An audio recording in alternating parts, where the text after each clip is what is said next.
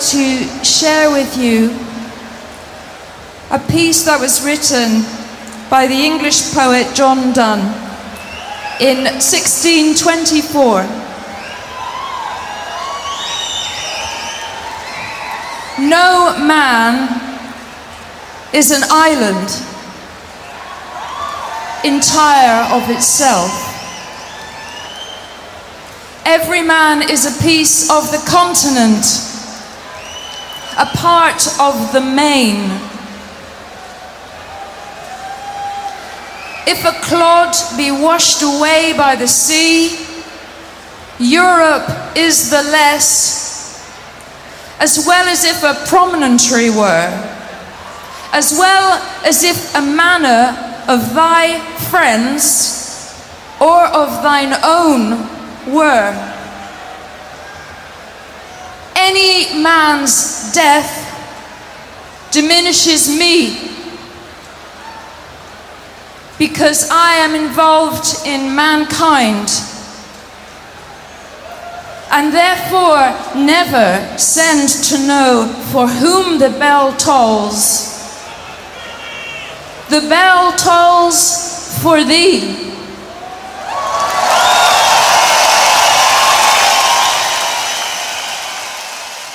Det där var PJ Harvey. Som läste delar av den sjuttonde meditationen. Som John Donne skrev i sin bok Devotions upon emergent occasions. En överjävlig titel. Och den är ju känd för frasen No man is an island. Och för vissa av er kanske också For whom the bell tolls. Klockan klämtar för dig. Jag visste ingenting om John Donne när jag plockade upp den här boken Super Infinite om hans liv av Catherine Rundell. Han var inte bara poet utan också präst, politiker och i en kort brinnande stund pirat anställd av engelska staten. Han är känd tydligen om man läser litteraturvetenskap etc. för sin metafysiska poesi. För mig framstår den som ganska religiös, det vill säga att han försöker koppla ihop människan med de allra största frågorna. Mening, Gud, kärlek, död och så vidare. John Donne angriper världen med förundran, mystik.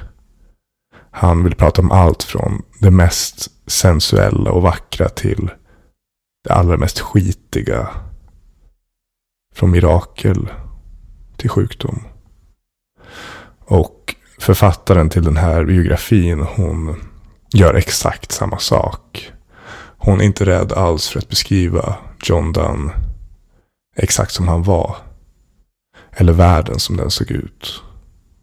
Och hon applicerar aldrig vår tids moral, etik, kultur på eh, sitt objekt och hans tid.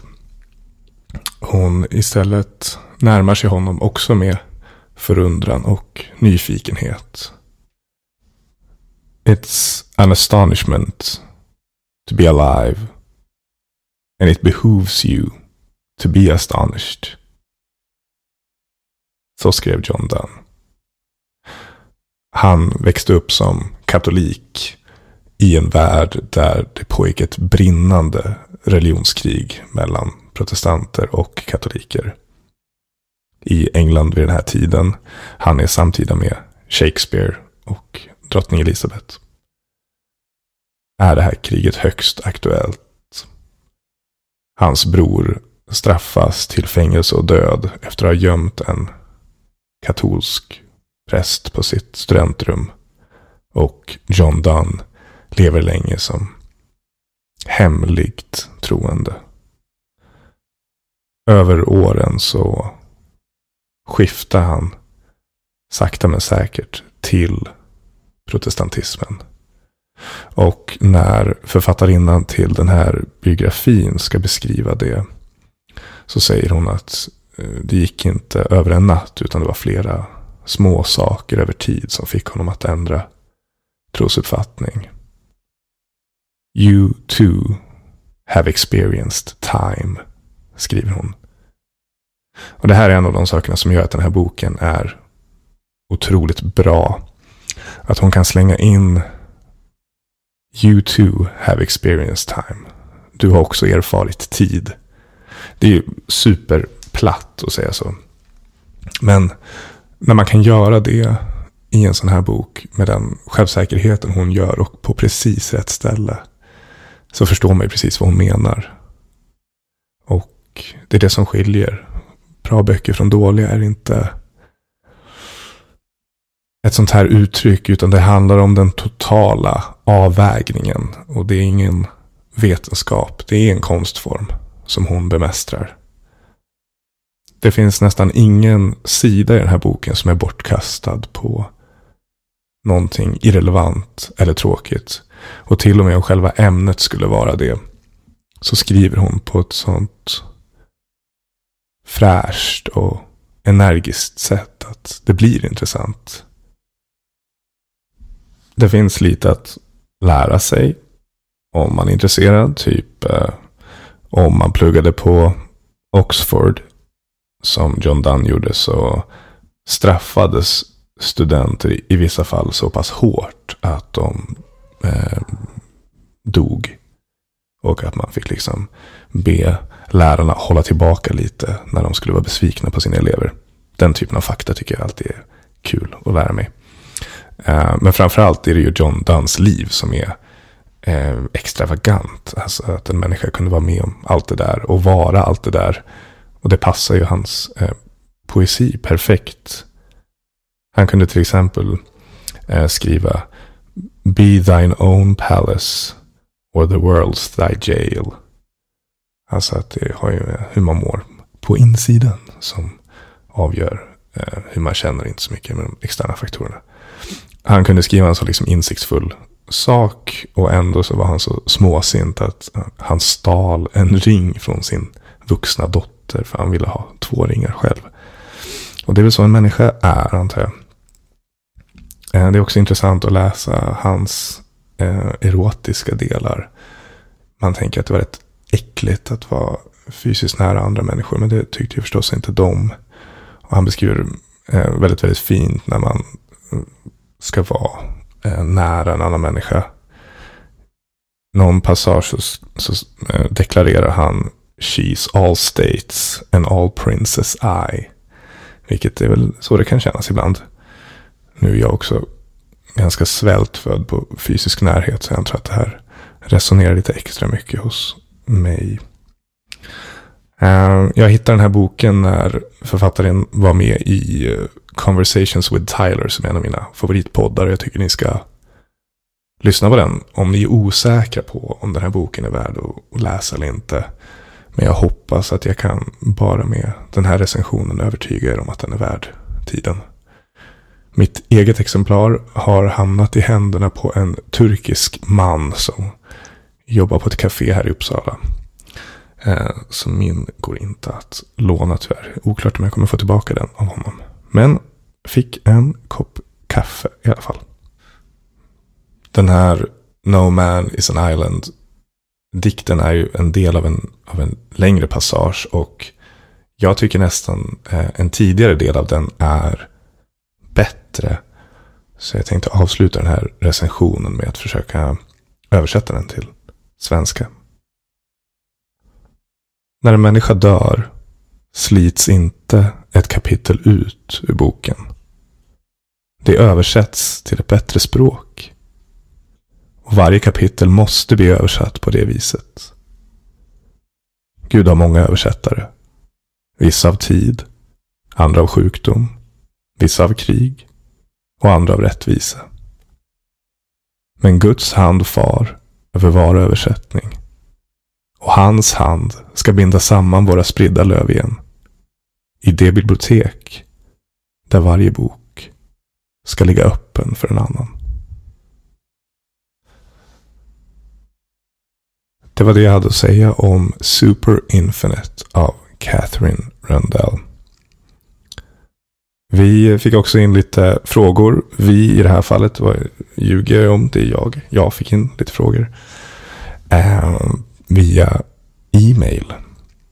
Efter det förra avsnittet. Superkul. Eh, jag tror inte det blir så kul att köra ett helt avsnitt med bara frågor och svar. Så jag tänkte istället att vi kanske kan avsluta här med att vi tar en. Det här är en lyssnare som uttryckligen inte vill vara anonym eftersom hon inte skriver hon är en pussy. Hon heter Disa eh, och hon frågar då eh, varför asatron tappade majoriteten av sina anhängare. Eh, ja, vad fan vet jag om det? Kul att du frågar. Eh, Disa, you too have experienced time. Jag tror inte det här eh, varken skedde fort eller om det ens har skett helt. Eh, det stod lite om det i den, i den första boken jag recenserade den här podden, Tom Hollands Dominion. Där han argumenterade att många av de här barbarerna, och då kallar vi skandinaver för barbarer, gillade kristendomen eftersom det fanns en sån tydlig hierarki där kungen fick en mer, eh, kungens roll kopplad ihop med det religiösa på ett sätt som inte gällde de här hedna, hedniska religionerna. Så därför var eh, vikingarna och andra mindre civiliserade folk benägna att konvertera. Kungen var den första som hoppade på det här tåget. Men vi, vi ser ju än idag med allt vad vi har med våra weirda högtider med midsommarstång och allting. Att väldigt mycket av det hedniska hänger kvar i vårt kulturarv. Snart är det valborg. Här i Uppsala i alla fall så tänder man ju eldar för att jaga bort onda andar och så vidare. Så att jag tror att om man skulle eh, se hur Sverige såg ut 1370 eller någonting i någon by i Uppland så vet jag inte hur mycket de begriper av Jesus från Nasaret och hur mycket man liksom är kristen på det sättet. Så jag antar att det gick eh, över hundratals år och dels att det kom från makten, att det fanns ett intresse att centralisera tron på det sättet. Kyrkan bistod också med en otrolig liksom, administrativ del. Det är inte så kul att prata om, men jag tror att det bidrog väldigt mycket. Att man hade en statlig kontroll på allt. Ehm, jag vet inte om, om det kristna budskapet i sig om att alla synder blir förlåtna. Och så. Om det var det som gjorde att folk konverterade. Jag kan tänka mig att i de här tidiga religionerna var ju inte lika liksom dömande heller. Så att man behövde liksom inte bli förlåten på samma sätt som kristendomen kom ju både med en hård dom och förlåtelse. Så man hamnar liksom netto noll tror jag jämfört med asatron och dylikt. Så jag, vet, jag, jag har inget bra svar Disa, men, men jag gissar att A. Det, det gick inte över en natt. Eh, och två, att det kom faktiskt av politiska skäl. Om du som lyssnar vill skicka in en fråga eller en kommentar eller någonting annat så är adressen dmtpodd.se snabla gmail.com Det är ju eh, medeltida även det att försöka skicka e-post. Men det är någonting härligt med att det ligger liksom brev på en och väntar där. Till skillnad från ett slarvigt skrivet Instagram-DM. Så jag tycker vi kör på med e-mail. Det ska inte vara så lätt och kul hela tiden. Allting.